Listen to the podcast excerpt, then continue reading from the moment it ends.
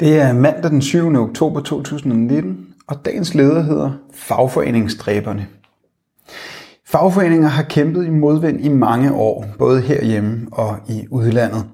Fagforeningsfjendsk lovgivning og diktater fra EU har været med til at svække den faglige organisering i mange lande. I Tyskland er færre end hver femte øh, medlem af en fagforening. I Frankrig er det under 7 procent.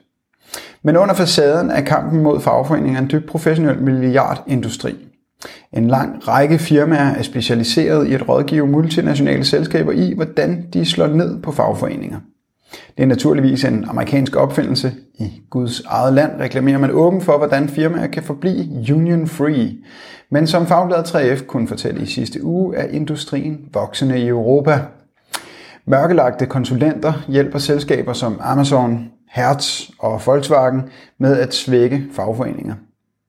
Metoderne varierer fra fyringer over trusler til mobning og chikane, overvågning, oprettelse af gule fagforeninger og infiltrering. I en meget sigende instruktionsvideo fortæller Amazon, hvordan arbejdsledere kan opdage forsøg på faglig organisering. For eksempel ved at opfange ord som arbejdsmiljø eller tillidsmand.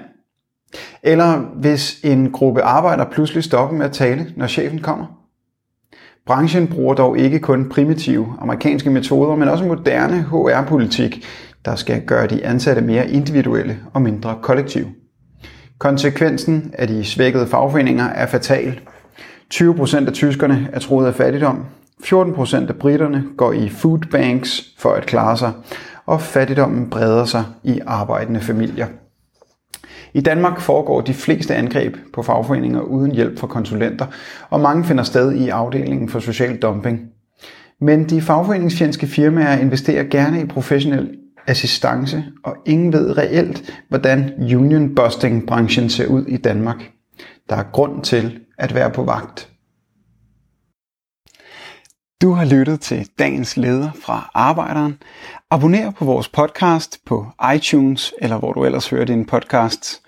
Du kan også klikke ind på arbejderen.dk for meget mere journalistisk indhold. Du er også velkommen til at følge Arbejderen på Facebook, Instagram eller Twitter, samt tilmelde dig Arbejderens daglige opdatering på Messenger. Vil du i kontakt med Arbejderens redaktion, kan det ske ved at sende en mail til redaktion Tak fordi du lyttede med.